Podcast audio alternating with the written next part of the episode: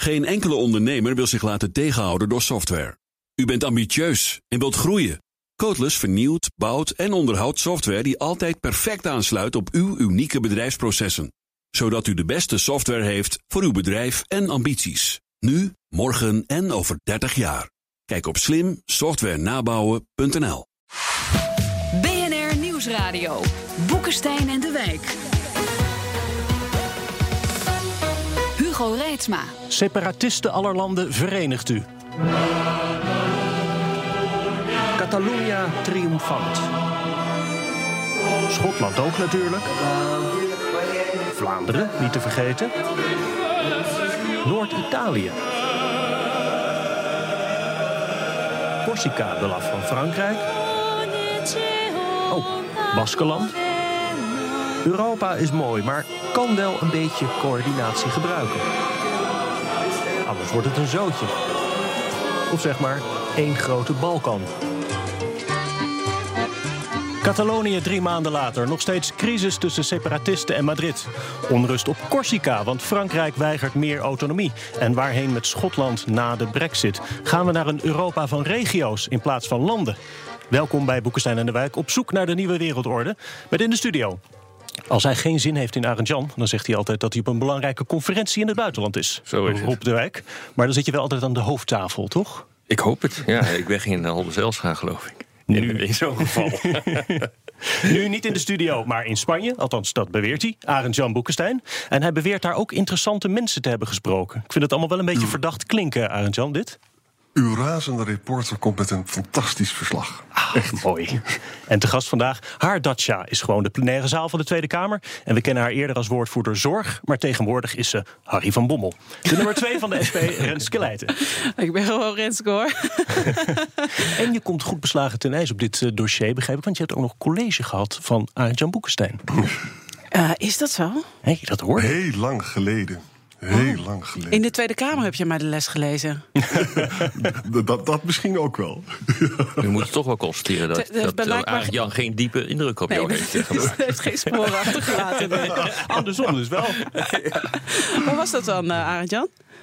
Volgens mij zat jij niet bij die ba- beroemde basiscursus internationale betrekkingen van algemene letteren? Nee, dat, heb nee, je- nee, dat denk ik toch niet. Arend Jan, die Oh, dan- haalt weer alles door elkaar. Nou, Ik, maar, nou, ik heb ook zoveel begin. studenten daar. We gaan gewoon beginnen. Mevrouw Leijten, wat is er slechter aan toe? De verzorgingshuizen of de Europese Unie? Nou ja, de verzorgingshuizen zijn gesloten.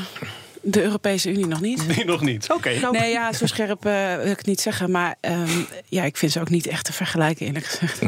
Oké. Nou, dit was eigenlijk wel mijn scherpste vraag. Van, Hierna wordt het allemaal minder hoor. Ehm, eerst eventjes toch het, het nieuws van de week. Eh Dacia Gate, zullen we het maar noemen. En het aftreden van Zijlstra. Hoe hebben jullie daar naar gekeken? Ik? Ja. Ja, we kijken elkaar nou aan in de studio. Ja, Ja, Beetje vertwijfeld. nou ja, toen ik, de, toen ik de, de Volkskrant op maandagochtend zag, wist ik wel, dit gaat niet eh, blijven. Ja.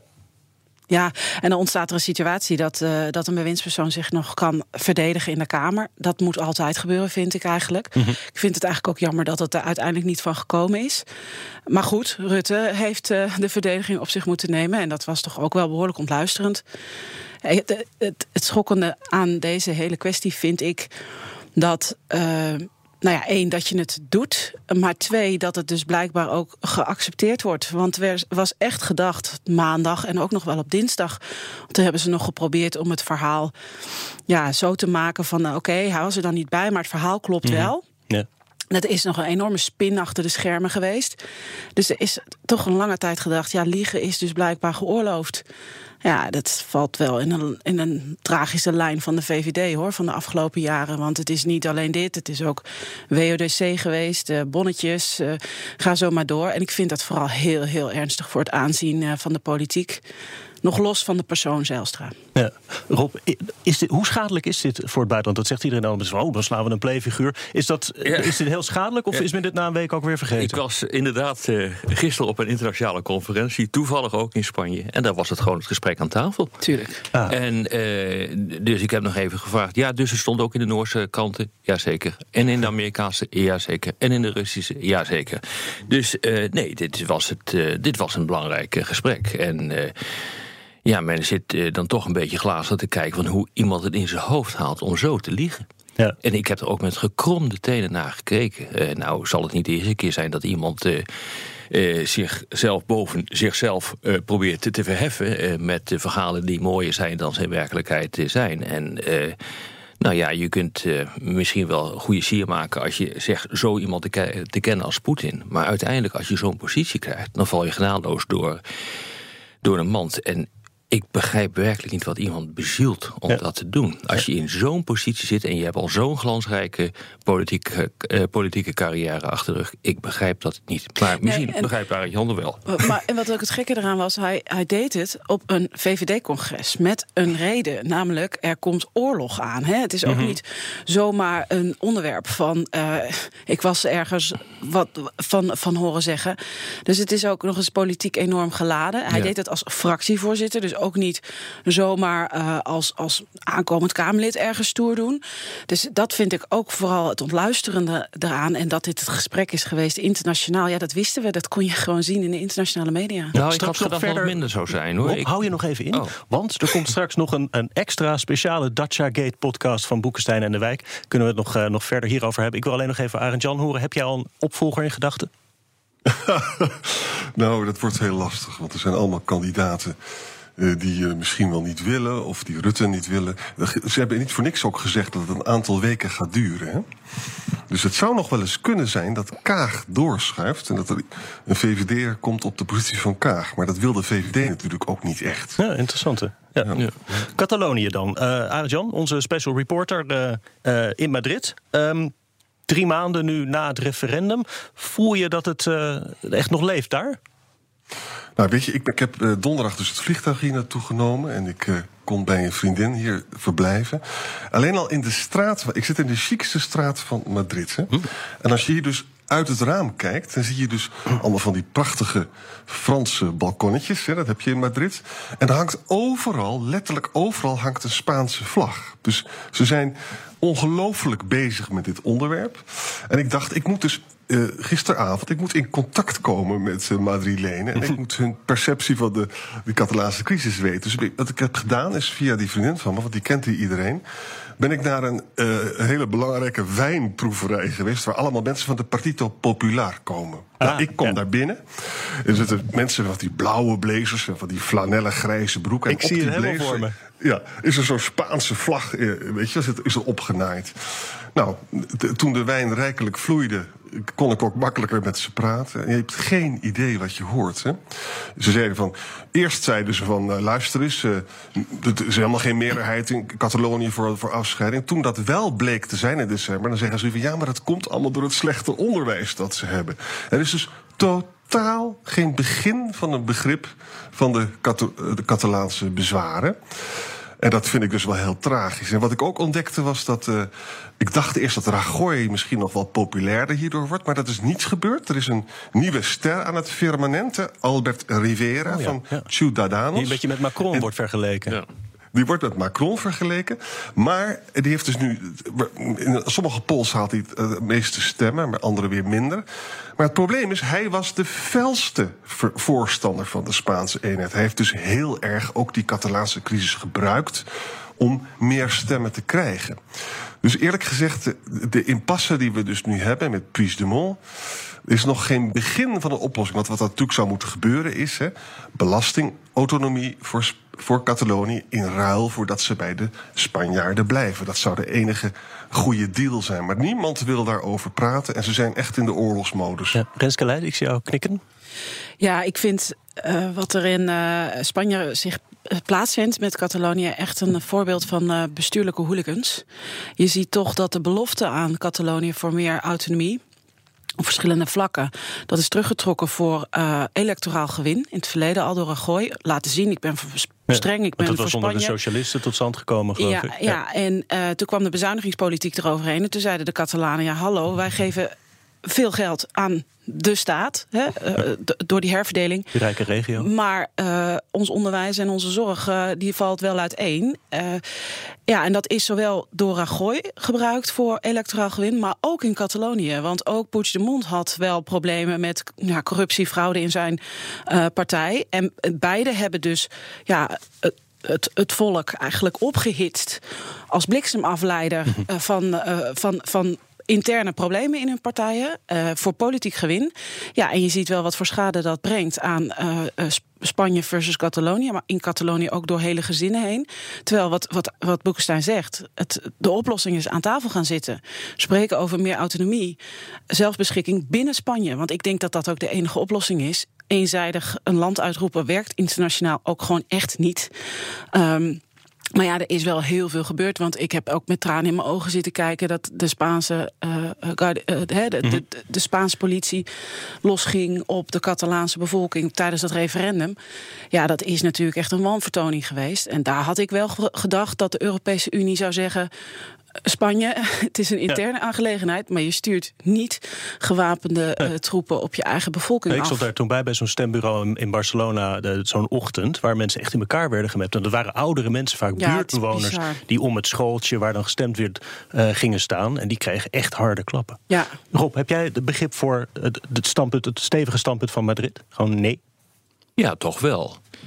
Want je kan het gewoon niet hebben dat zo'n land uit elkaar valt. Uh, het is een rijke regio, maar dat betekent dus ook meteen dat Catalonië ongelooflijk belangrijk is voor de Spaanse economie. Dus ik kan me dat uh, goed voorstellen. Ik vind alleen de tactiek die men heeft gevolgd. Ja, daar kan ik niet goed bij. Daarna deden ze het volgens mij wel wat slimmer. Hè? Want dan lieten ze het de hele tijd aan Puigdemont van... Nou, kijk jij maar, we geven je nog wat tijd. Toen keerde wel het, het, begrip van de internationale gemeenschap... zich weer een beetje aan de Spaanse kant. Ja, maar toch in het begin is er behoorlijk op ingehakt. En is er alles aan gedaan om dit uh, referendum onmogelijk te maken... inclusief een, uh, het inroepen van een grondwetsartikel... waardoor ja. het echt uh, on onmogelijk werd.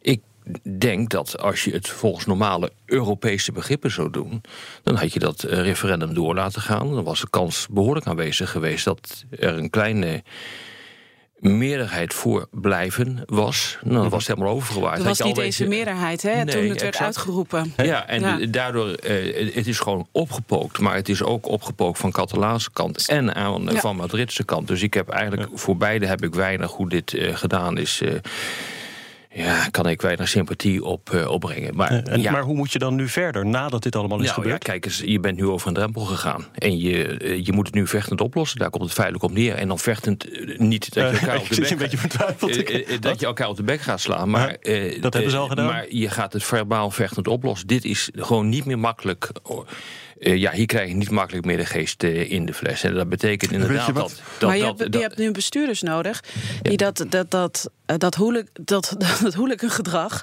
uh, niet meer hebben. Dus of andere bestuurders, de burgemeester van Barcelona, die zegt: Ik ben Catalaan, maar ik ben ook Spanjaard. En onze toekomst is samen. We moeten eruit komen. Ja, ik vind dat dat echt gevolgd moet worden. Maar als je dan ziet dat er in Madrid nu juist een havik weer wint over deze crisis, ja, dan zie je wel Tuurlijk. hoe schadelijk die dynamiek is. Het is ook electoraal, dus het is buitengewoon handig om keihard te polariseren. Ja. Arend Jan, heb exact. jij daar in Madrid ook helemaal niets van compromisbereidheid gehoord? Ja, en, en, en, aan beide kanten. Hè? Want ook in Catalonië zijn ontwikkelingen die uh, heel erg. En ik heb je dus verteld, in Madrid zitten mensen die electoraal daar proberen uh, mee te scoren.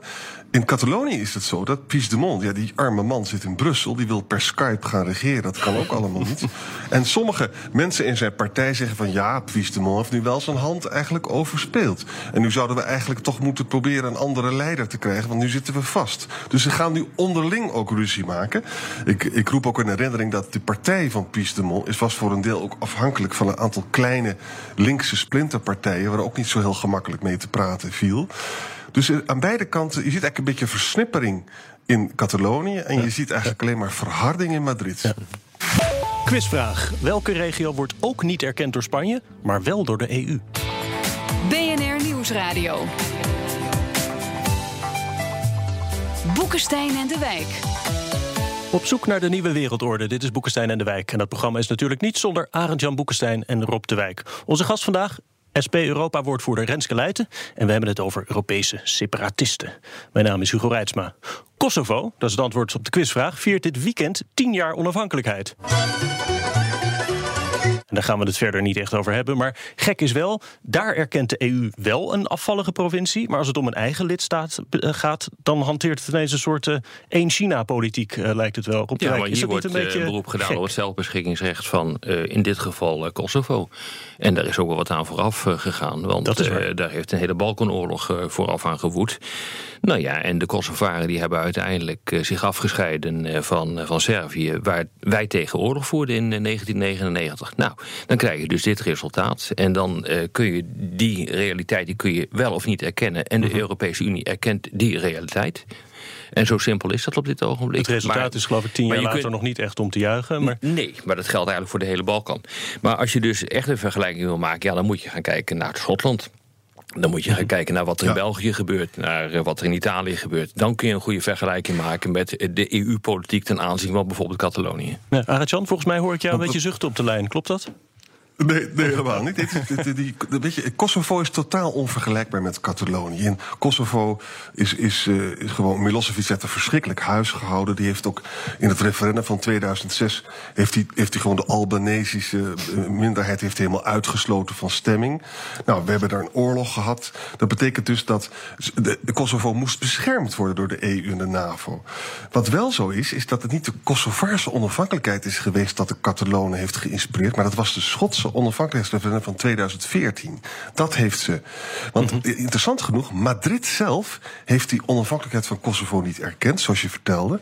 En dat komt natuurlijk omdat ze tegen elke onafhankelijkheidsbeweging zijn. Zit natuurlijk ook met de maar Kosovo wordt ja, en wat heel belangrijk is, Rusland buit het dus heel erg uit. Hè. Die zegt natuurlijk van, uh, ja, Kosovo mocht wel en Catalonië. Dus alles, alles wat de EU verzwakt, en zeker zo'n mm Catalaanse afscheiding, dat vindt Poetin heerlijk. Ja, op de Balkan liggen dus misschien geen belangrijke lessen voor Europa hoe, hoe om te gaan met zoiets als in, in uh, Catalonië. Maar uh, Poetin die zit in Brussel om het probleem daar neer te leggen, dat probeert hij. Zou, zou Brussel daar toch niet iets mee moeten? Tot nu toe nou, de structuur van de Europese Unie is een uh, een Europese Unie van lidstaten mhm. en niet een Europese Unie van regio's. En als het gaat over de toetredende Balkanlanden, de zes die, nou ja, waarmee uh, in ieder geval een toetredingstraject is gestart. Hè, dat is de, allemaal verschillende snelheden uh, over hoe haalbaar dat is of niet. Hè. Het zou heel onverstandig zijn als wij zeggen 2025 komen ze er allemaal bij. Dat wilden ze wel graag vanuit de commissie, maar dat gaat niet gebeuren vanuit de lidstaten. Ja, dat is natuurlijk iets anders dan nu in lidstaten zelf regio's die hun vinger opsteken. Dus ik denk dat de Europese Unie zeker een rol heeft. Namelijk uh, de-escaleren. Ga om tafel. Wij, zijn een democrat, uh, wij, wij, staan voor democratische waarden. En dat betekent dat je een democratische oplossing moet krijgen. Uh, en niet een vechtoplossing letterlijk je bevolking de kop inslaan. dat zou de rol moeten zijn van de Europese Unie. Maar de Europese Unie kan zich niet uitspreken nee. ten faveur van een regio. Dan weet ik wel zeker dat er veel meer regio's zullen zijn die zeggen: Oh, maar dan willen wij ook. Ja, het hek is van de dam. Hè. Ik heb ze even zitten optellen. Je komt, afhankelijk van hoe je telt, kom je op een stuk of 30 regio's in Europa die op een of andere manier aanspraken maken of op, op mhm. onafhankelijkheid. Ja, waar politieke bewegingen zijn die aansturen ja, exact, op onafhankelijkheid. Exact, dat gaat van Istria in Kroatië tot Morovia in de Tsjechische Republiek tot Bornholm in uh, Denemarken. Bornholm. Ik bedoel, waar heb je het over? Maar zelfs Friesland staat op dat lijstje. Nee, die staat er niet op.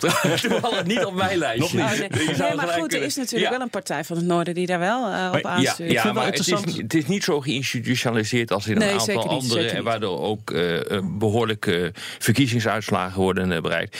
Maar wat je dus ziet is dat zelfs flintertjes zoals Bornholm, 39.000 inwoners aanspraken wil maken op, op onafhankelijkheid. Waarmee ben je bezig? Ik bedoel, je, je, je creëert een land. En dat vind ik het meest uh, fascinerend aan deze hele discussie over separatisme. Men wil een land hebben zonder zich te realiseren of zo'n land überhaupt wel levensvatbaar is. Nou, als het in de EU blijft. Nee, maar de EU kent niet een schaal. Dat kan helemaal niet. Ik bedoel, het is nu, um, uh, het, het, is nu een samenwerking van lidstaten. Mm -hmm. tuurlijk heb je de Europese Commissie die altijd maar drukt op meer Europa, verdieping. Het Europees Parlement wat er ook keurig mee in de pas loopt. Maar dan zie je toch het overleg van de regeringsleiders wat daarin iedere keer weer terugduwt. En er zitten verschillende smaken in. Uh, uh, verschillende landen zoals de Oost-Europese landen of de, de Baltische landen of wij, wij ja. hebben andere smaken in maar je ziet toch dat die Europese Raad nog een enorme terugduwende werking heeft op al die vlakken van meer Europa. Maar je ziet- Maar daarin past dus ook niet. Ik zie niet een, een tafel van regeringsleiders vormen waarbij je kan zeggen: oh, er is een regio Maar bijgekomen. waarom eigenlijk niet? Je ziet toch steeds meer dat de legitimiteit van landen onder druk staat... terwijl mensen zich steeds meer hechten aan hun niet, kleine Hugo, regionale Hugo, identiteit. Ik weet niet of dat waar wel is. zo is. Hoor. Nee. Is dat niet zo? Nou, Nee. dat blijkt uit geen enkel onderzoek. Maar we hebben natuurlijk zelf zo'n geval gehad. Sint Maarten. We hebben zelf afscheidingen gehad. Curaçao, Sint Maarten. Sint Maarten is een land van niks. Is een land, hè? Ja, binnen ons en koninkrijk. je ziet dus wat Ja. er gebeurd is. Hè? Na die enorme orkaan die over dat eh, eiland raasde... er is gewoon geen bestuurlijk vermogen. Het is gewoon te klein. Ze kunnen geen deuk in een pakje boter slaan. Nou, en, en, en het ook Franse klachten. deel van Ja. Sint Maarten... dat zit dus nog te Dat is wachten op Frankrijk. EU-steun. Want dat kan, want het Precies. is onderdeel van Frankrijk. Ik bedoel... In dit geval, hoe stom kon je zijn om je onafhankelijkheid te, verkla- te verklaren? En nu klagen ze dat, dat de Europese Unie niet klaar staat voor Sint Maarten. Maar dat is een niet. logisch gevolg voor het uittreden uit, uit nou ja. Het worden van een land binnen het koninkrijk. Ja. Anders dan een gemeente. Exact. Wat je ziet eh, natuurlijk eh, bij andere. eh, Maar wat je dus ziet, en dat is een repeterend eh, probleem...